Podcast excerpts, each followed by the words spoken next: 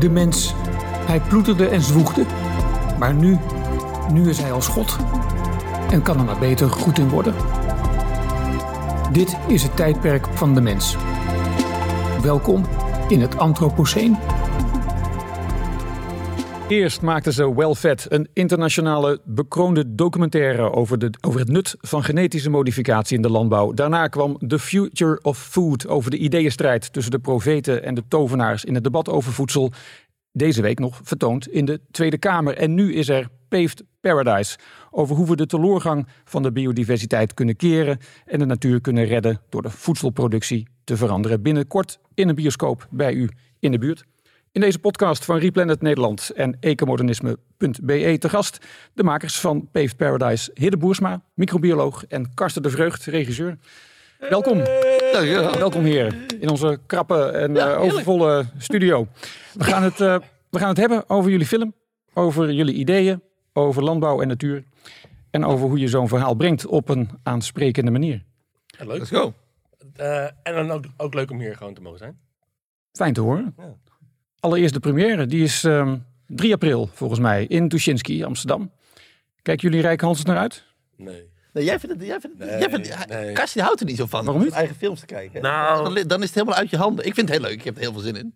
Ik, eh, ik, ik, eh, het is een noodzakelijk kwaad. En het is wel een kunst om te leren genieten van iets wat je hebt bereikt. Want dit is wel gewoon... We, we zijn twee jaar met deze film bezig geweest. En, en voor filmmaker is Tuschinski, ik, vind het heel vet, maar als filmmaker is het het hoogst haalbare, denk ik. Ja, nee. Dus het is echt te gek. Alleen dat je geen invloed hebt meer. En dat je gewoon moet eh, genieten. Dat, ehm, eh, dat is voor mij altijd een beetje lastig. Oké, oké. Ik heb er ontzettend veel zin in. Ja. Het is nu al helemaal uitverkocht. Toch?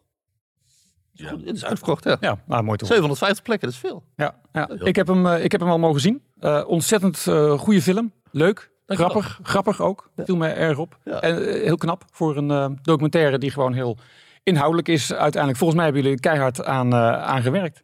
Vertel eens, welk, welk verhaal wilden jullie, eh, wilden jullie brengen? Nou, het, het grappige is, weet ik nog dat ik ooit bij Karsten kwam en zei, hey, ik wil een film maken over land sharing en land sparing.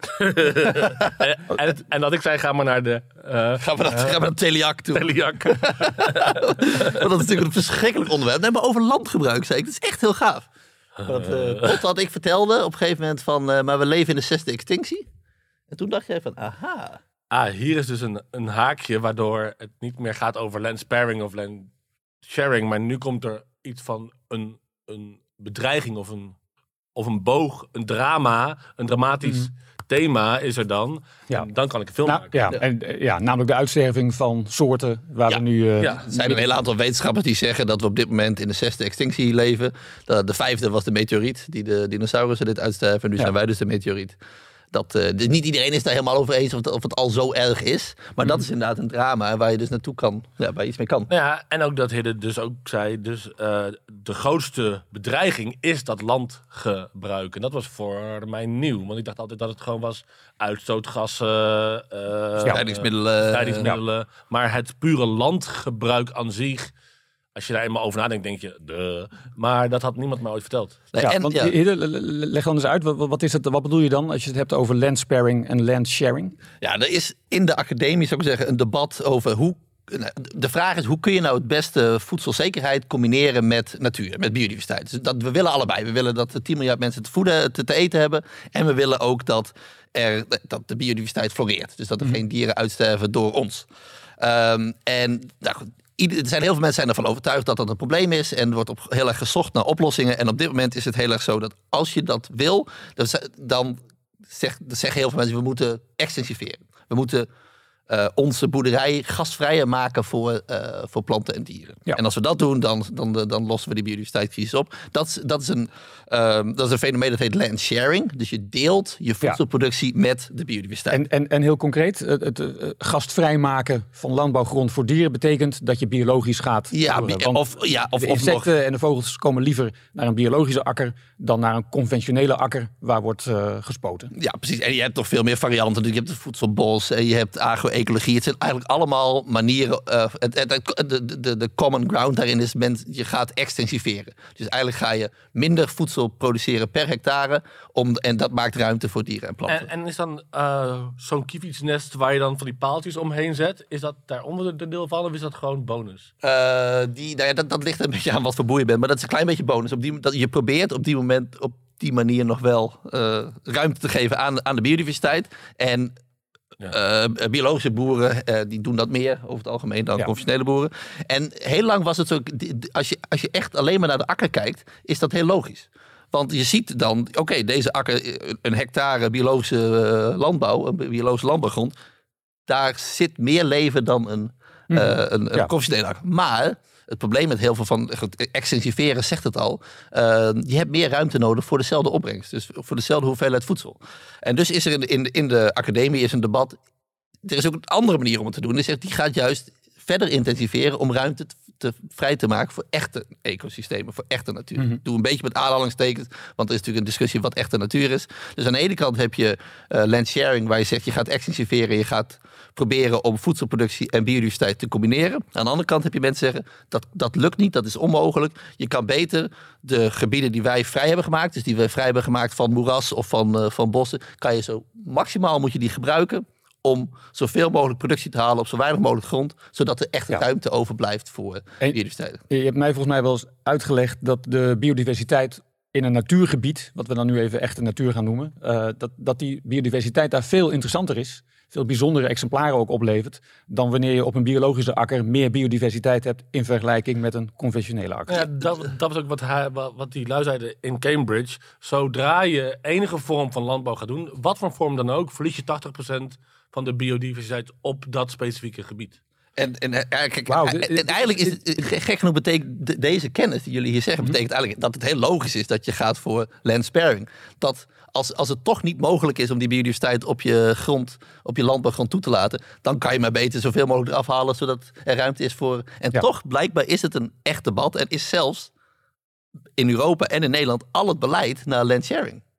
Terwijl wat jullie zeggen is inderdaad, dat, dat is de crux. Ik bedoel, eh, al die heel veel biodiversiteit is natuurlijk in miljoenen jaren geëvalueerd met net, dat, net die orchidee of net die sluipwest die je nooit op je akker hebt. Mhm. Dus is het inderdaad, nou, dat zei die, eh, die gast in, Cambridge, zei inderdaad ook van het is bijna een soort Homer Simpson. Do Natuurlijk is het logisch om zoveel mogelijk te doen op zo weinig mogelijk grond om ruimte vrij te maken in de natuur. Maar gek genoeg Ja. weten beleidsmakers dat niet. En je, je zegt ook, ehm, als je dus land sharing doet, dus biologische akkers of, of voedselbossen, et cetera, dan produceer je minder voedsel. Ehm, volgens mij hebben jullie het in de film over 30% of zoiets. Ja, dus waarschijnlijk er zijn gemiddelde. heel veel cijfers die een beetje variëren van 20 tot 50 eh, procent. Afhankelijk van ook, ja, nou ja, eh, heel veel eh, biologische telers in Nederland zitten nog naast conventionele akkers, waardoor er nog weer wat van de nitraten, Ah, ja. weet, weet ik veel. Ja, ja, van, van, Ja, van, de van de meststoffen en van, van de Karsten, bestrijdingsmiddelen. wat heb jij veel geleerd? Ja, ik ben scheikundig wonder. of is dit... Ik hoor deze man af en toe, wonder. ik hoor jou af en toe gewoon oreren over bodemmicrobiologie. en dat. Ik ben een, eh, ik, ik ben een kenner. maar is het dan zo, willen, willen jullie dan geen biologische landbouw? Omdat dat zo, zoveel ruimte opslokt van de, van de natuur? Ja, kijk, uiteindelijk een van de, van, de, van, de, van, van de uitkomsten van deze film is eigenlijk dat wij milieuactivisten, milieuactivisten in het algemeen, de belangrijkste milieuparameter die er is, gemist hebben. En dat is de hoeveelheid land die wij gebruiken. En die is natuurlijk de afgelopen eeuwen heel erg, eh, heel erg gestegen. Dus als je 10 miljard mensen wil voeden en ook nog een florerende planeet, moet je zorgen dat er niet meer land wordt gebruikt. En als je dan dus gaat Ja, extraheren... kijk, wa- wacht, ik ik wil even meer cijfers horen dan. Je hebt het over landgebruik dat wij gebruiken. Dan heb je het over wonen. Dat is niet zo'n heel erg groot Nee, deel dat- volgens mij. Alle steden bij elkaar. alle- 1%. 1% van het, van het Ja, aardoppervlakte. van het, van het ijsvrije aardoppervlak. En dat is van het bewoonbare stukje is maar 1%. Dat is echt heel weinig. En dan gaan we naar, eh, naar landbouwgrond. Is ongeveer 40, 45 procent van de we, hebben- we hebben op dit moment de helft van de aarde, 50 procent van de aarde in cultuur gebracht. Die gebruiken we dus voor alles wat we nodig hebben. En dat zijn inderdaad steden en wegen en zo. En heel veel mensen denken, oh die steden, die zijn allemaal, daar leeft niks. Maar dat is inderdaad maar 1 procent. Dus het Ja. echte grote landgebruik zit in, eh, zit in onze voedselproductie. En dat zit voor een deel ook in veevoer, neem ik aan. Ja, van die helft, dus van de 70%. 70% is, eh, is, is voor vee en veevoer. Heel veel. Nee, maar, ja. ik denk wel dat biologische landbouw zijn functie heeft. Alleen waar ik steeds meer op uitkom naarmate de film nu, nu ook af is en we, we steeds meer de gesprekken voeren is... Wat is je doel met landbouw? Of met de verschillende soorten landbouw? Als jouw doel is om de biodiversiteit of om de bodem gezonder te maken, dan is eh, eh, opbrengst of oogst niet het hoofddoel meer. En als, als oogst het hoofddoel is, dan is dus productie het hoofddoel, dan is biologische landbouw momenteel niet je nummer één keuze. Mhm. Ja. Dus als jouw doel is opbrengst, dan is biologische landbouw niet je. Ja. eh, Je go-to. eh, Ja. ja. Nee, en wat, en dat is wat. Landbouw is niet alleen maar voedselproductie. Het is natuurlijk inderdaad ook. som- Sommige mensen vinden het gewoon heel mooi. Maar het is ook inderdaad. Heel, ik, ik denk dat er best wel ruimte is voor biologische landbouw rond steden bijvoorbeeld. Waar je met je kinderen heen gaat, weet je wel. Maar dan is dat ook echt de functie. En als het gaat om de bulk van je voedselproductie. Is het echt beter om zo, zo'n hoog mogelijke opbrengst te halen. Zodat er ruimte vrij komt. Ja. Voor, Ja. En vrij- blijft. We En- moeten gewoon die Amazone willen bewaren. Fuck de ghetto. Ja, eh, en waarschijnlijk wordt het nog, nog veel urgenter wanneer we in, eh, op een wereld leven met straks eh 9, 9,5 miljard. We zitten nu op 8. Er Ja. komen nog heel wat bij. Eh, Ja, dat zijn, en dat wonen in, precies, die wonen in landen die, die ontwikkelen zich gaat volop. toenemen. Ja. Eh, dus, dus er is nog een uitdaging. Dus los van het, het. Dus wat je eigenlijk zou willen. Als jij begaan bent met de aarde, de toekomst, de biodiversiteit. Want misschien kunnen we het ook nog even hebben over waarom biodiversiteit überhaupt een ding is om te hebben. Weet je wel, we kunnen ook, ook gewoon denken, nou, who cares, weet je wel. Waarom, Karsten, is biodiversiteit een ding? Nou ja, ehm, wat ik heb begrepen is dat als je dus ehm, ehm, eh, om te eh, beginnen is, is het leuk en mooi om Ja. veel verschillende dieren te hebben. Het is een luxe die we hebben, maar daar, daar, daarnaast zijn ziektes en plagen.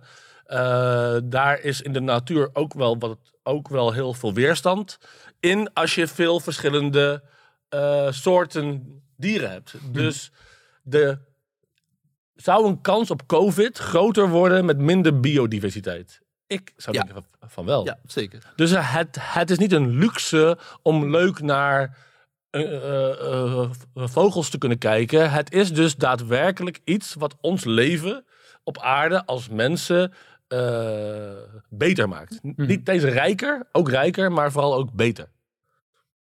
Maar Ja. ik, bij mij zit er ook wel een soort interessie. Ik wil, ik wil het niet op mijn geweten hebben, bij wijze van als mensheid, dat 75% van de eh, dieren en planten uitsterft door ons. Maar goed, dat is, dat is heel arbitrair. Hè? Dat is wel. Nou ja, is en iedereen die dus biologisch gaat, heeft datzelfde. Ja. Dus een hele hoop mensen om mij heen en de mensen die ik, ik zie, willen best iets doen voor het behoud van de Juist, natuur. Mhm. eh, voor hun kinderen, kleinkinderen, voor eh, het grotere doel. Ehm, alleen dan vind ik het wel belangrijk dat we niet al- alleen een romantische kijk hebben op eh, landbouw, maar ook gewoon een praktische, realistische, wetenschappelijk onderbouwde kijk. En dat mis ik soms. Ik, ik denk zelf dat het de mensen die nu biologisch kopen, zijn juist de mensen die heel erg begaan zijn met de biodiversiteit. Ja. Alleen zijn ze toch, denk ik, door de jaren heen, door de decennia heen, een beetje. Ja, maar ik snap ook wel dat je daarheen gaat. Ik zou ook daarheen gaan. Als jij mag, als jij mag zeggen, wil ik wel of geen gif op mijn eten? Ja, eh, geen. Maar als ik niet weet wat ik daarvoor opgeef, namelijk een stuk bos, ja, dat, dat hadden ze me wel even kunnen vertellen. Ja. ja. Hoe, eh, nou, over vertellen eh, gesproken, hoe, hoe vertel je nou zo'n verhaal? Want dit is een, een, een best een ingewikkeld thema uiteindelijk. Ik bedoel, je, je hebt sympathie voor de mensen die kiezen voor biologische landbouw. soms intuïtief, omdat ze denken, ja, dat is nu eenmaal beter. Daar hebben jullie ook wat mee. Ja. Ehm, toch blijkt het antwoord dan anders te zijn. Eh, tenminste, eh, jullie hebben een overtuigend verhaal, vind ik. Dat je, landbouw, eh, dat je voedselproductie veel meer moet concentreren op land. Ehm, dat is niet het meest aantrekkelijke verhaal dat je dan moet gaan brengen. Hoe, hoe, hoe doe je dat? Nou, Hidde en ik hebben elkaar tien jaar geleden, of ietsje langer geleden, denk ik een jaartje of twaalf geleden, ontmoet in een bar waar we licht aangeschoten Oh jee, waar, gaat dit heen? Eh, half naakt. eh, nee, in de olie. Nee, Hidde was gefrustreerd dat al zijn wetenschappelijke artikelen en zijn pleidooien niet leidden tot een significante verandering van, ged- van gedrag van de mensen die hij aansprak. En hij zei, hoe kan dat nou? Want de waarheid zal altijd wel eh, overtuigen. En dat is het dus, dus niet zo. Er is naast het hoofd, is er ook een hart of een, ehm, een emotionele ehm, connectie. En de enige manier om daartoe te komen is om een verhaal te vertellen waar mensen zich in herkennen. Waar mensen in willen meegaan en waar mensen bereid zijn om 90 minuten naar Ja. eh, te, te kijken. Dus waar ik heel erg naar zoek als, al- als filmmaker is, is naar een boog, een conflict. En wat heb je nou ook nodig om eh, dit verhaal over te kunnen brengen? En humor is daar wel een belangrijke. Maar ik vind het wel mooi, want jij- jij zegt ook heel vaak van... Mensen houden de associatie van positieve emoties, dus bijvoorbeeld lachen of, Ja. of, of, of gewoon geëmotioneerd raken, die, die, die koppelen ze nu aan de, aan de oplossing, aan dit verhaal. Dat, dat gewoon, dus op, op heel veel, we hebben de film expres eh, humorvol. Dat is ook echt een, een, een- dat, heb- dat push jij Ja. heel vaak door. Juist omdat mensen, zelf. ja, nee, goed, en juist omdat mensen daarmee vanaf nu een, een positieve associatie hebben met het verhaal van Lance Ja. Sparring. Zo werkt dat blijkbaar. Ja. Ja, ja. ja, in plaats van feiten gaat het dus echt om. Nou, ik vind het ook knap gelukt. En ik vind het ook knap dat, dat, dat jullie dat uiteindelijk de hele film ook, eh, ook volhouden. Want het is natuurlijk leuk om een paar scènes te bedenken met een paar grapjes erin. Maar daarna, dan zit je op 20 minuten zeg maar in het verhaal. Maar daarna moet je nog een, eh, een heel uur. Het is, het is eh, verdomd moeilijk lijkt me Ja, om we- dat, we hebben- dat we vol te houden. We hebben ook echt wel, zou ik zeggen, de, de, de, de fictieverdeling aangehouden. Eerste acte, tweede acte, derde acte Mhm. is gewoon vo- volledig het midpoint. Zoals in de film heet vaak het- het. Op het midpoint he- heeft de, eh, de protagonist, dus het hoofdpersonage, die een ontwikkeling doormaakt, Mhm. hebben iets geleerd. Eh, waardoor ze denken dat ze er zijn. Maar dat is nog steeds op basis van niet genoeg informatie. Dus wij zijn in Portugal, denken we, nou, we zijn er. Je wil Sparren en je wil rewilden. Eh, top, we zijn er, film is klaar. Maar, en dan komt dus deel 2, dat je dus ziet dat in het politieke stelsel en in de verhalen die in de samenleving heersen, er zoveel pushback is dat dit, dat dit ogenschijnlijke verhaal überhaupt niet zou kunnen. En dan heb je Ja. dus op, op, vind ik, dat vind ik ook wel, op 80% heb je in de film altijd een all is lost. Dus eh, op, op, de, bijna op het einde is er altijd een moment dat je denkt, het gaat allemaal niet goed komen. Nou, dat is het moment dat ik dus eh, in die supermarkt tegen de dingen, Ja. tegen dingen aan sta. En dan is alles verloren. Het gaat dus niet werken, ondanks dat we een goed verhaal hebben. En dan gaan we uiteindelijk naar Costa Rica, waar dus de oplossing ligt. En, Dus helemaal dat, dat fictie-narratief volgen, dat helpt. En, en dit is het narratief van een doorsnee film. Ja. de, de Journey of the Hero, hoe heet het ook weer? Van The Hero's? Journey. Ja, je hebt de eerste acte waarin eh, een, protag- een protagonist is eh, eh, verloren, is, is een wees. Dan in 2a gaat hij dingen testen en proberen en doen. In 2b gaat hij dus vechten. En in deel 3 ontdekt hij, vechten heeft geen eh, enkele zin. Ik moet me overgeven, ik moet een martelaar worden. Eh, en, En- eh, Alle Disney-films zijn heel strak. Veel, veel, En Pixar. En Ja. Pixar, allemaal. Maar ja, en dit is dus ook hoe we verhalen aan elkaar vertellen. Dus het is niet, niet, niet een eh, trucje, het is een soort blauwdruk van hoe wij elkaar verhalen vertellen. Ik was laatst op straat en ik kwam een gast tegen. En, eh, en- maar eigenlijk bleek hij toch eh, heel leuk te zijn. Eh, toen gingen we we- de suipen. Maar toen heeft hij me toch bestolen. Dan denk je, oh, fuck, wat een goed verhaal. Omdat je constant Ja, ja. van voor naar, eh, naar achter gaat. En ik denk ook dat het belangrijk is om een film te maken die eh, niet alleen voor eh, 50 plus mensen is die op de BBB stemmen, maar ook voor gewoon mensen van Mhm. 15 tot 35. eh, misschien dat die nog wat meer openstaan dan de mensen Mhm. die al vastgehoekt Ja. zijn in het- hun meningen. Is het een BBB-verhaal? Totaal niet. Nou, grappig genoeg, gisteren zag ik dus een, een, tweet van eh, Jan Kees Vogelaar, wat wel echt een BBB'er is, weet je wel. Jan Kees Vogelaar, eh, ja, dat is een soort, hij is wel, voor mij was hij ook voorzitter van LTO, is hij ook geweest. Die dus wel zei van Hidden heeft altijd gelijk gehad, eh, over je moet dus intensiveren. En, maar wat ik bij de BBB zie, zij zijn ook wel een klein beetje van, ze pikken het, het intensiveringsverhaal, vinden ze leuk, maar dat dan, uiteindelijk betekent dit ook dat een heel groot gedeelte van de landbouwgrond natuurlijk teruggaat naar natuur. Dus de, de inefficiënte landbouw, om het zo maar te zeggen. Dus de landbouw op gronden die er eigenlijk niet zo geschikt voor zijn. Ik noem maar een veenweidegebied in Nederland. Of misschien zelfs Drenthe, weet je. Dat, die zandgronden zijn eigenlijk helemaal niet zo geschikt voor landbouw. Die ga je teruggeven aan de natuur. Nou, dat, ik denk toch niet dat de BBB daar best Ja, op zit te wachten. En waarom, Maar, ja. zo, eh, eh, waarom ik zo stellig ben, is omdat er geen één partij dit verhaal eigenlijk Nee. vertelt. In de politiek heb je van progressief tot conservatief, van links tot rechts. Op alle punten heb je een pluriforme keuze. Mhm. Maar als het gaat over landbouw, is eigenlijk iedereen ja, redelijk romantisch inge, ingesteld. Ja, en, en conservatief zou ik ook Ja, eh, zeggen. Want wat het volgens mij betekent, als ik jullie, eh, als ik een vertaalslag zou moeten maken naar Nederland alleen, ehm, dan zou je in Nederland dus moeten zoeken naar de productiefste gronden. Ja. Daar gaan we landbouw op. Ja, eh, dus op de Flevopolder. Ja, de- en Ja, ja, vooral Noord-Holland- daar denk ja, Noord-Holland. En, eh, Ja. Want en, en in andere gebieden die nu nog worden gebruikt voor landbouw, ja, daar wil je op termijn toch de boeren uitkopen waarschijnlijk. Dat Ja, is niet dat- meteen van de een op de andere dag, maar dat is wel Precies. een visie voor misschien, ja, wat is het dan, 20, 30 jaar? ja, zoiets. En, Ja, precies. Je moet hele soort land op de schop. Ja, nee, zeker. Ik denk dat je het Europees moet aanpakken. Maar inderdaad, het is, eh, kijk, je gaat dus concentreren op de meest vruchtbare delen, omdat dat natuurlijk, daar haal, haal je het makkelijkst een hoge oogst. Maar het is ook nog heel duurzaam, want je hebt in dat soort gebieden heb je veel minder input nodig. Je hebt minder mest nodig voor een hoge opbreng. Je hebt vaak minder bestrijdingsmiddelen nodig. Dus bijvoorbeeld op dit moment ook al in, in Drenthe is de landbouw minder duurzaam dan in de Flevopolder. Ja, Dus maar, het- en, en maar, maar in, een, in een wereld waar je überhaupt niet hoeft te eten, zou je ook die vruchtbare gronden ja. natuur willen laten zijn. Het is niet zo dat je. Mhm. de, de, het is nog steeds een, ver- een verdeling waar niet alles optimaal is. Klopt. Ja. En grappig genoeg, dat, is ook, dat komt in de film ook wel naar voren. Er is ook wel een soort, bijna een soort natuurlijke ehm, ehm, route daar naartoe, zou ik zeggen. Dus op heel veel van die arme zandgronden bijvoorbeeld, zie je dat boeren het ook echt moeilijk gaan krijgen. Want de overheid gaat dan inderdaad, je gaat, dat, dat in de film zeggen, ook, dan ga je dus allemaal technologie doen om, om proberen de impact te verminderen. En dan zegt op een gegeven moment zegt de overheid van ja, het is ook te droog, je mag niet meer irrigeren, weet je wel. Dat gebeurt vooral op de slechte gronden. Dus er is ook wel echt een soort bijna natuurlijk incentive voor die boeren om langzaam van die grond af te gaan. Mhm. Maar het is wel een, eh, ja, kijk, als je dat in één keer de boeren zegt, zullen ze dat niet leuk vinden.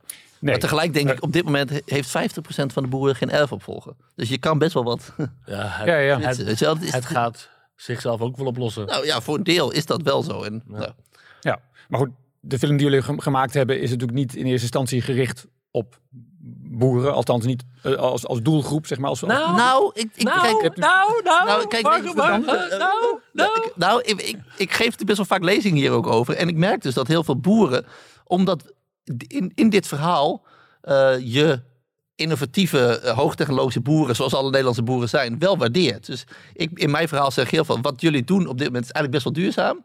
En dus ik merk heel vaak dat ze best wel een eind meegaan in dat verhaal. Want de meeste boeren weten ook heus wel dat het anders Nou ja, en, en wat ik interessant vind is eh, iedereen, iedereen op... eh, Het, valt hier iets van alles om. er valt hier een lamp op de grond. Eh, moving on. Nothing happened. We gaan ook door. Ehm, dat we heel vaak het gesprek hebben zonder de boeren. Dat, dat, dat, dat we heel vaak op Facebook en eh, in de politiek praten over landbouw en over landbouwers. Terwijl in de paar jaar dat wij nu met deze eh, films bezig zijn, denk ik, ja, betrekken misschien in dit gesprek? Mhm. En ik, en ik vond Ja. het leuk, want Er gebeurt te weinig. Ja. ja. om toch even een klein eh, nou ja, bruggetje naar het einde van de film naar Costa Rica te maken. Spoiler. Nou ja, nee, wat, wat ik wel, wel aardig vond in Costa Rica. In Costa Rica hebben ze dus een systeem ontworpen. Waar, het het is het, Costa Rica is het enige land met een landsparingsbeleid. En zij hebben dat gedaan door eh, boeren te verleiden, op boeren op slechte gronden te verleiden om zogenaamd eh pestgelden aan te nemen. En PES staat voor Payment for Ecosystem Services. Dus boeren krijgen geld als ze hun eh, boerderij teruggeven aan de natuur. En hoe dat ging, dat geld, dat geld is, dat is een potje. Maar je zag heel erg dat boeren op slechte gronden dat potje gingen aanspreken. Want die hebben het zwaar, boeren op goede gronden niet. Eh, maar ik vond het dus heel mooi dat. eh, En in, het mooie is daar dus dat die boeren worden, die hoeven hun land niet in te leveren. Ze worden elk jaar weer betaald. En het grappige is dat Maar hun, hun, hun rol verandert. Ja, maar het ze mooie is dat zij- boer waren en, en, en met- veel moeite eh, v- vruchten eh, verbouwden, of weet ik wat. ja, ze daar- het, daar was vooral, eh, het waren vooral koeien. Koe- Oké, koeien ja, en- ze daar en, en, en nu hoeft dat niet meer nu kunnen ze uh, ja, bomen planten of zo? Nou ja, grappig nog wat ze doen. Ze produceren dus biodiversiteit of produceren scenic beauty. Zo wordt het ook echt aangevlogen. Dus die boeren produceren nu iets anders dan voedsel en voelen zich heel erg gewaardeerd. Je, je spreekt daar mensen die dus voorheen echt hardcore veehouder zijn en nu gewoon natuur hebben. En dat prachtig vinden, want ze worden gewaardeerd door de, door de, door de samenleving, door de maatschappij. Ja. En het is beleid uit de jaren tachtig ook al. Hè? Dus ik bedoel, we, we, kijken terug op een, we hebben een rijke ervaring met dit beleid. Nou ja, en in de jaren negentig dat ze dus een tax on fuel hebben geïntroduceerd van 4%. Uh, dus iedereen die een tank uh, vol flikkert, die krijgt gewoon 4% er, er bovenop. En dat geld mag alleen worden besteed aan het behoud of aan het verbeteren van de biodiversiteit en de natuur. En dat is fantastisch. En waar heeft dat nu toe geleid? Costa Rica is volgens mij een hotspot van biodiversiteit in de wereld. En het grappige is dat Kijk, iedereen die aan Costa Rica denkt, denkt: oh, dat is een land wat altijd van de natuur heeft gehouden. Ja, dat is gewoon, dat, dat zit in een, in een cultuur. Maar in de jaren tachtig waren zij dus de nummer één ontbosser ter wereld. Uh, dus zij hebben hun hele cultuur ook aangepakt. Toen was het dus nog, op een gegeven moment was er nog maar 27% bos over. Terwijl Costa Rica natuurlijk oorspronkelijk gewoon 100% bos was, was er nog maar 27% over. Nu is dat door dit beleid dus 55%. En tegelijkertijd is de voedselproductie ook hoger. Ja, en wat je dus wel ziet is dat die die toename van de 27 naar de 55, dat is dus nu 20 jaar, maximaal 20 jaar oud. Dat, dat zijn nog niet die enorme grote oerwouden die zijn omgehakt. Dus het mhm. duurt nog wel 100 jaar voordat je daar weer terug bent. En dat is ook wat, wat um, onze uh, minister in Costa Rica, uh, die wij hebben geïnterviewd, eigenlijk zegt is de nummer één, wat je, wat je zou willen doen voor het behoud van biodiversiteit, is om geen enkel bos, wat een oerbos is, mhm. nog om te gaan hakken. Ja. Dus daar moet je per direct, acuut mee stoppen. Want als je dat doet, dat is de grootste kans op behoud. Dus als dat al regel 1 is, dan is nu uh, de opdracht aan ons als mensheid om te zeggen: oké, we hebben nu dus die 40 procent, 40, 45 procent landbouwgrond. Hoe gaan we die dan inrichten? En daar zijn een, een, aantal opties voor. Dus je kunt zeggen, we gaan minder vlees eten. Ja, het, eh, om dat uit te gaan uh, voeren is ingewikkeld. Maar je kunt zoeken naar vleesalternatieven en je kunt ermee aan de slag gaan. Uh, je kunt nadenken over hoe je proteïne opnieuw wil her, verdelen. En je moet dus gaan kijken hoe krijg ik binnen deze grens genoeg voedsel om de mhm. wereldbevolking te gaan voeden. En als dat biologisch kan, fine. Let's go. Uh, ik denk dat iedereen op zo min mogelijk land met zo min mogelijk uh, pesticiden uh, landbouw zou willen ja. bedrijven. Alleen, ja, je wil ook een relatie waarin het leuk is en je heel veel seks hebt. Uh, maar dat vraagt ook dat je investeert in een relatie en dat je er afspraken over maakt en dat je daarmee aan de slag gaat. Dus je zult een regievisie moeten hebben die je haast wereldwijd ja. uh, zou moeten gaan uitrollen. Uh, mm waarin je dus gaat zeggen, oké, dus, en dat is ook weer de reden dat wij onze film Paved Paradise hebben genoemd. Er kan een, een paradijs zijn, alleen die moet je dus wel plannen. Je moet ja een plan hebben en dat uitvoeren uit zichzelf. En iedereen die dat lekker My Biggest Little Farm achter gaat hm. doen, gaat het gewoon niet zijn. Nee. Weet je wat, wat trouwens wel aardig is? Dat onze grote voorzitter, Rudy Rabbingen, die hm. heeft dus ook al eens een keer voor Europa zo'n plan gemaakt. Ja. Dus ook, ook, ik bedoel, Costa Rica was heel erg zijn tijd vooruit. Maar het is ook niet zo dat dat hele land sparing is ook in de jaren 90 best wel eens gewoon hip geweest. En hij heeft in 1992 een rapport geschreven voor de WRR, voor de Wetenschappelijke Raad voor Regeringsbeleid, heet Grond voor Keuze, waarin hij dus ook al uitrekende in de toenmalige EU, die toen, toen natuurlijk nog best wel klein, klein, een stuk kleiner was, maar dat je dus toe kan met, nou ja, de helft tot misschien maar een kwart van het huidige landbouwareaal nodig. Dat je eigenlijk maar een kwart van het huidige landbouwareaal nodig hebt als je de voedselproductie daarop uh, intensiveert en concentreert en optimaliseert. Om net zoveel voedsel te produceren. Dus ook in Europa kan je een, daar kan je een Costa Rica van maken. Ja, dit is uh, Rudy Rabbingen, voorzitter van uh, Nederland. Heb je het uh, over natuurlijk. Die was toen Eerste Kamerlid, denk ik, hè? Ja. van de PvdA. Ah, ja, PvdA, ik denk Ja, klopt. En hij werkte, neem ik aan, bij de WR dan ook. Of, ja, dat zal het zijn. Ja, toch? Ook, ja, professor aan ja, Wageningen. Ja, precies. Daar van daaruit. En dat beleid is toen niet doorgevoerd.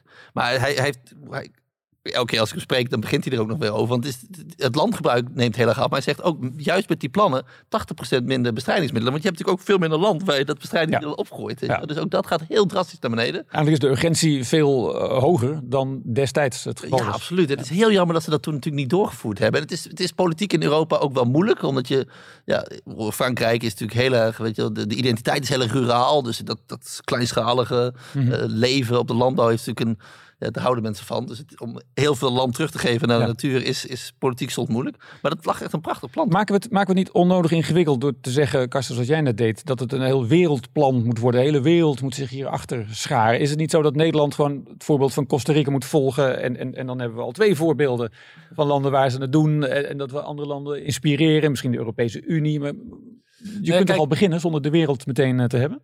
Eh, je kunt altijd beginnen.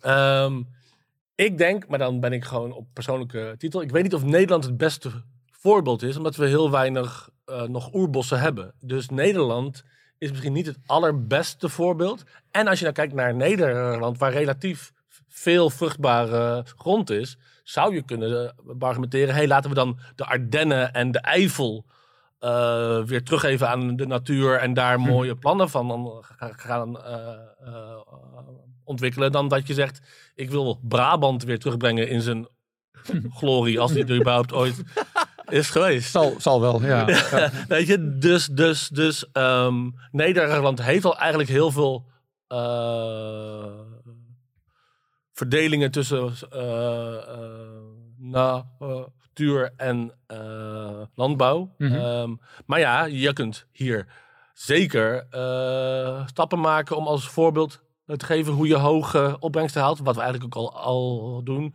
In, in combinatie met de terugkeer van de wolf, eh, de bever, Beer. eh, de beer. de beer. Hij is al in, De beer. hij is al in Nou ja, Duitsland. hè? en, en wat ik nog... Weer is in de beer is al in Duitsland. Duitsland al.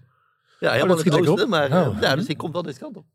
Mag ik nog één beer? Ja. Eh, maar eh, wat, ik nog, wat ik nog wel even wil zeggen is, de, de misvatting is dat boeren verantwoordelijk zijn voor natuur. En dat is ook onze, onze grootste pushback vanuit mensen die zeggen, ja, maar intensief boeren leidt niet één op één tot meer natuur. Dus daar zit nog wel een schakel in, Ja. waarin je dus moet gaan afspreken met el, elkaar. Als we dan gaan intensiveren, dan, dan gaan we ook Ja. aan die natuur werken. Want de angst bestaat, en die is eh, terecht. Als ik ga intensiveren op de helft van de grond, kan ik op die andere helft van de grond ook intensieve landbouw doen. En dan heb ik twee keer zoveel opbrengst. Weet je wel? En dat is dus wel iets wat vanuit beleid, Rutte, ehm, zou moeten gaan plaatsvinden. Anders is het nog steeds zinloos en kun je beter land sharen. Nou ja, dat is absoluut, dat is absoluut waar. Kijk, wat je dan ook, wat, dat zie je in Europa ook wel een klein beetje. Kijk, op een gegeven moment is er natuurlijk, eh, de voedselbehoefte is natuurlijk gelimiteerd. Weet je, op een gegeven moment is er genoeg voedsel. Maar je ziet nu heel erg dat boeren inderdaad kunnen ook zeggen, nou, ik intensiveer mijn voedselproductie, maar ik ga die rest voor biofuels gebruiken of voor biomaterialen, weet je wel. Dus er is ook echt best wel een incentive om dat land, landbouwgrond dan ergens anders voor te gebruiken, wat ook weer geld oplevert. Dus je moet heel goede afspraken maken. Ja. Maar goed, wij zijn wel in Portugal ook geweest, waarvan ik ik bedoel, op, dit, op dit moment is het zo in Europa, met het gemeenschappelijke landbouwbeleid, dat je, ehm, als je geld wil hebben vanuit het gemeenschappelijke landbouwbeleid, dan, mag, dan moet je per se boeren. Dus wij zijn in, in Portugal geweest bij boeren, waarvan ik was op een helling, zandgrond, stenig. Maar ja, je moet, eh, als, je, als hij zijn eh, land achterlaat, bewijs van, of laat rewilden, dan ben je- die zijn zijn inkomen kwijt. Weet je? Dus het is een hele, precies het tegenovergestelde incentive dat je wil. Want die mensen, die boeren, die moeten daar helemaal niet boeren. Dat was, Nee, Portugal was geloof ik op het Europese kaartje dat jullie laten ja, zien dat is in eigenlijk heel weinig, heel weinig Ja, landbouwgrond. Heel eh. veel stenen, heel veel droogte, heel veel hellingen. Het is gewoon helemaal niet een heel vruchtbaar... Precies, en traditioneel was het natuurlijk zo dat iedereen, weet je wel, zijn voedsel dichtbij produceerde. Dus logisch dat het vroeger wel geboerd werd. Want ja, je had geen internationale transporten. Mhm. Dus iedereen boerde heel dichtbij. Maar als je nu gaat kijken, slaat het eigenlijk nergens op dat daar geboerd was. Ja. En die boeren moeten een incentive krijgen. En ik denk dat ze daar ook echt, dat ze daar ook blij mee zijn om geld te krijgen als er wat anders Ja, en daarom zeggen jullie ook eigenlijk, het is een Europees Ja. eh, project, Ja, omdat je Europa eh, moet indelen, moet, moet kijken naar de, naar de gronden. En, en dat kan dus best wel, want dat is, wat in Costa Rica is dat best wel organisch gegaan. Dus het is helemaal niet zo gezegd, jij mag niet meer boeren. Ze hebben boeren gewoon verleid van, we hebben een potje voor je als jij je land wil rewilden. Nou, en dan zie je dus heel erg dat boeren, die pakken dat op als ze het zwaar hebben. Dus die, boer, die Portugese boer gaat dat doen. De boer in de Zeewolde, in Flevoland, gaat dat nooit doen. En zo krijg je dus eigenlijk, nou ja, Meer natuur en blije Ja. boeren. Hey, eh, Costa, Costa Rica is een prachtig, inspirerend eh, voorbeeld. En eh, prominent natuurlijk in de film. Ook met prachtige beelden natuurlijk die jullie daar hebben geschoten. Maar Costa Rica, had ook, daar hebben jullie ook een wat minder leuke ervaring. Hè? We, zien elkaar vaker hidden. Maar ja, vertel maar eens wat, wat daar Ja, ja, nee, we- tijdens ja. het filmen. Wij zijn daar in, eh, was het 2020 denk ik, in de zomer van 2020 heen gegaan. De eerste keer. Eh, 2020. 2021. Goed geluid Nee, natuurlijk. Want, 2020. want ik denk dat dat eigenlijk toen al een van de finale, 21. ja, 2000, een van de finale scènes waren. Dus dat, daar gingen we heen. Dat was ook mijn, ik was tijdens het, tijdens mijn onderzoek voor de film was ik gestuurd op dat land als zijnde de enige dat Lance Ja. Doet. Dus dit, wat, dit wordt soort, hier gaan we naartoe, dit wordt het. En we hebben ook echt prachtige beelden geschoten toen. Maar op de ene laatste dag dat we daar waren, zijn wij eh, beroofd van, en niet alleen van onze spullen, wel van een camera van 100.000 euro. Nee. Eh, maar ook van alle data. Dus we hadden opeens, op de, de- we hadden echt prachtige dingen. We hadden boeren gesproken, ik ben ananasboer geweest. En, eh, Alles wat jullie in Costa Rica hebben Alles gefilmd, Ja, kijk, eh, en ik wil daar wel even, want ik, ik merk eh, als dit straks, je laat nooit data gestolen worden. Dat is gewoon niet wat je doet. Je hebt altijd twee schijven en eentje heb je haast op je lijf geplakt. Eh, maar wij, wij waren onderweg vanuit eh, de jungle waar we in, in, in, met spaanplaten, boomhutten zaten. Eh, s ochtends vroeg om zes uur nog wat shots maken van de dauw en de, en de apen. En eh, toen met z'n allen vlug in de auto, alles in één auto. Omdat we nog met de andere auto, daarmee gingen we dus ook, ook, ook nog filmen. Dus daar kon niet apparatuur in. Mhm.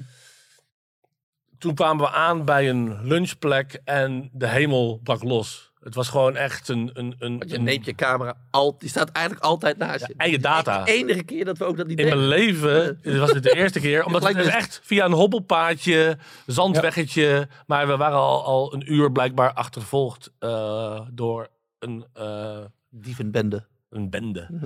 een bende boeven. En toen, ja, toen Eh, ja. En de politie daar zei, het is goed dat jullie er niet bij waren. Want we hebben situaties gehad waar ze dus at gunpoint Ah, eh, ja. zijn beroofd. Maar ja, Het was dat- wel echt een van de dat low je points. data Oh, ja. Lies, ik heb, daar een, ik heb daar nog een foto van. Dat we met z'n allen dat in de eerste vijf minuten. Je hebt met zoveel liefde. Ja. Met de mensen ook daar. Iets gemaakt wat je graag wil laten zien. En dat is dan gewoon weg. Kijk, die, die camera's en de geluidsapparatuur was gewoon eh, verzekerd. En, en dat komt altijd wel goed. Je moet misschien wat administratieve dingen doen. Ehm, maar dat komt wel goed. Maar die data, dat, Mhm. dat was wel echt, echt gewoon... eh, ja. We- we- en we hebben Ik reken mij zelf dat nog steeds wel aan. En dan heb je mensen die zeggen, ja, een dure les. Nee, dit was gewoon pech. Dit is gewoon... En we hebben dus ook, dan, we zijn er dus voor een tweede keer naartoe geweest. En we hebben ook Ja. echt het, het script een beetje herschreven. Want je gaat gewoon niet, hetzelfde halen gaat gewoon niet. Dus je gaat andere, andere settings doen. We, gingen die, we zijn dus een week op pad geweest met die Costa Ricaanse minister. Ja. En het, dat was op zich wel mooi dat je dat een tweede keer kon doen. Want we kenden hem daardoor zo goed. Maar we echt, we moeten echt andere dingen gaan Maar het grote nadeel was dat wij de eerste keer daar kwamen en iedere stap waren weer, er weer zes nieuwe beesten en wij kwamen daar terug en toen was het zo De tweede keer was het droogseizoen. Dus was het veel, veel beesten, veel veel minder minder beesten, dus wij moesten echt zoeken, en echt, echt werken was onze centen. En, Het is eh, goed gekomen en ik denk dat Ja. de tweede keer draaien echt heel mooi is geworden. En omdat je inderdaad een band, nog meer een band had met die minister, is het misschien zelfs nog beter Ja, maar geworden. Maar holy Dat ene shot van die salamander die zo omhoog met het licht en die- eh, dat shot heb ik in mijn hoofd. En verder heeft niemand dat ooit gezien behalve ik en de cameraman. De, de Costa Ricaanse minister, eh, ik, ik ben zijn naam kwijt. Alvaro. Umanya. Ja, maar ja, hij, hij komt, hij, hij komt, hij komt. Niet Hij komt, hij komt inderdaad. Ja, De- nou ja, hij hij eh, stapt op eh, 1 april op het vliegtuig naar, eh, naar, eh, naar Nederland. Eh, ontzettend bijzondere man. Hij, eh, hij was in de jaren 80 dus de eerste minister voor Energy Environment. Toen was hij heel jong, 34 nog maar. Hij is nu dus in de 70. Maar ik denk, nou, ik heb zelden zo'n bijzondere man als hij. Hij is zo levendig en open en aimabel en geïnteresseerd. Het is echt een... Is En- en- een onderwerp waar we niet met hem over Nee, hebben gehad. Over, over drugs, over seks, over rock'n'roll, En dan, weet je, hij- over wetenschap. Hij eh, kende dan eh, Mandela en Gandhi. En dat, en tegelijkertijd is het en rappers en het- allerlei... eh, maar die, die, ook, die kennen die ook persoonlijk. En dan, en dan toch gaat hij gewoon twee keer een week met ons mee. En komt hij nu ook weer een week. Waarschijnlijk komt hij twee keer een week. Want we gaan ook nog een Europese tour, hoop ik, doen met, Ja. met Replanet. Komt, oh, komt nog wel een week, weet je wel. En, en, en wat is het plan? Wat, wat, gaat, hij hier, eh, wat gaat hij hier allemaal... eh, Eh, nou, ik hoop. eh, kijk, wat mij betreft is Costa Rica een, eh, een, eh, een, dat, een soort een voorbeeld, een, een- inspiratie om uit de impasse te komen die we nu in Nederland hebben als het gaat om natuur- en landbouw, eh, landbouwbeleid. Eh, dus ik hoop heel erg dat hij gewoon eh, breed uit in de media komt. Kijk, hij komt naar de première. We hebben een avond in de Bali. We hebben een avond in, in Nieuwsport. Ehm, maar ik, ik ben ook bezig inderdaad om hem gewoon natuurlijk te pluggen. Ik denk dat hij gewoon een verhaal heeft van een, een succesverhaal wat eigenlijk verrassend onbekend is. Weet je wel, zelfs ik, ik zat heel lang in dat debat en pas tijdens de research van de film kwam ik achter dat er, ik dacht eigenlijk ook dat het nog een beetje theoretisch was en dat er geen, geen land-sparing land was, totdat ik dit verhaal tegenkwam. En dan is het ook nog zo'n ontzettend bijzondere man die dat dus voor elkaar heeft gekregen. Wat natuurlijk ook Leuk voor de film. ja, heel fijn voor de film inderdaad. En, en natuurlijk ook wel voor hem. Ja, hij is dus gewoon... Hij, hij heeft dat land eigenlijk gewoon persoonlijk, eh, weet je, omgedraaid. Van een Ja. land van, wat bijna gewoon eh, helemaal ontbost was... te- tot een land wat nu helemaal bekend staat om de, om de biodiversiteit. Dus hij komt een week naar Nederland en ik wil hem gewoon zoveel mogelijk eh, exposure geven. Ja. En, en ja, het, ik denk... Voor mij is het eigenlijk best wel, eh, best wel verrassend dat... Als het gaat over de toekomst van landbouw en natuur in Europa, dat dat hele verhaal van Costa Rica dus nooit ergens ter sprake is gekomen. Dus ik denk, ja, Ja. je kan het gewoon eh, kopiëren. nou, prachtig. Ehm, Bada bing, bada bang. Bob Sharon.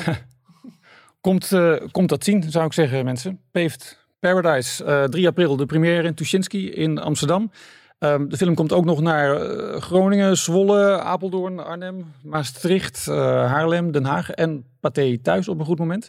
Eh, maar kijk het vooral in de bioscoop, daar is het natuurlijk eh, veel leuker. Veel beter.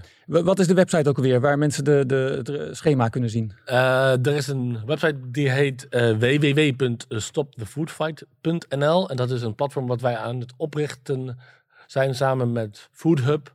Ehm, met als intentie dat we ehm, al die verschillende visies op landbouw gaan samen bundelen en met als intentie om over drie jaar één verhaal te hebben waar je eh, ja, eh, met z'n allen achter kan staan. Mhm. En dat is best wel een Ja. am- leuk, ambitieus plan. Dus Ja. eh stopthefoodfight.nl Wel.